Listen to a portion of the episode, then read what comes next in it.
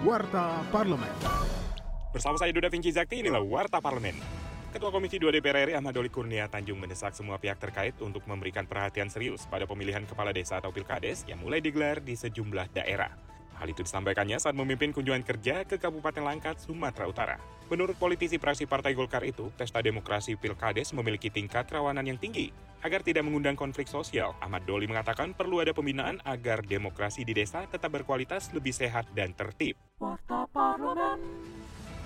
Dalam rapat dengar pendapat dengan Kepala Badan Perlindungan Pekerja Migran Indonesia atau BP2MI, anggota Komisi 9 DPR RI Elva Hartati mengingatkan BP2MI terkait biaya asuransi di luar BPJS Ketenagakerjaan bagi pekerja migran Indonesia merupakan pelanggaran hukum.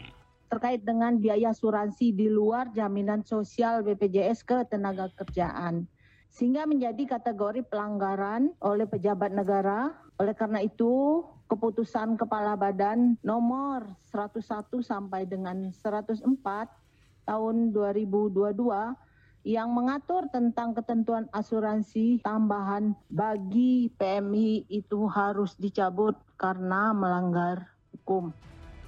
Informasi lebih lanjut kunjungi laman dpr.go.id.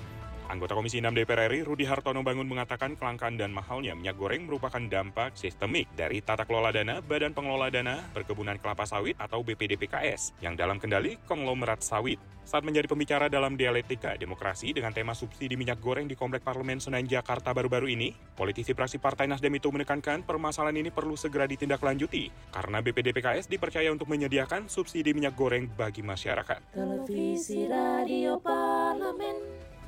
Demikian Warta Parlemen, Produksi TV dan Radio Parlemen, Biro Pemberitaan Parlemen, Sekjen DPR RI.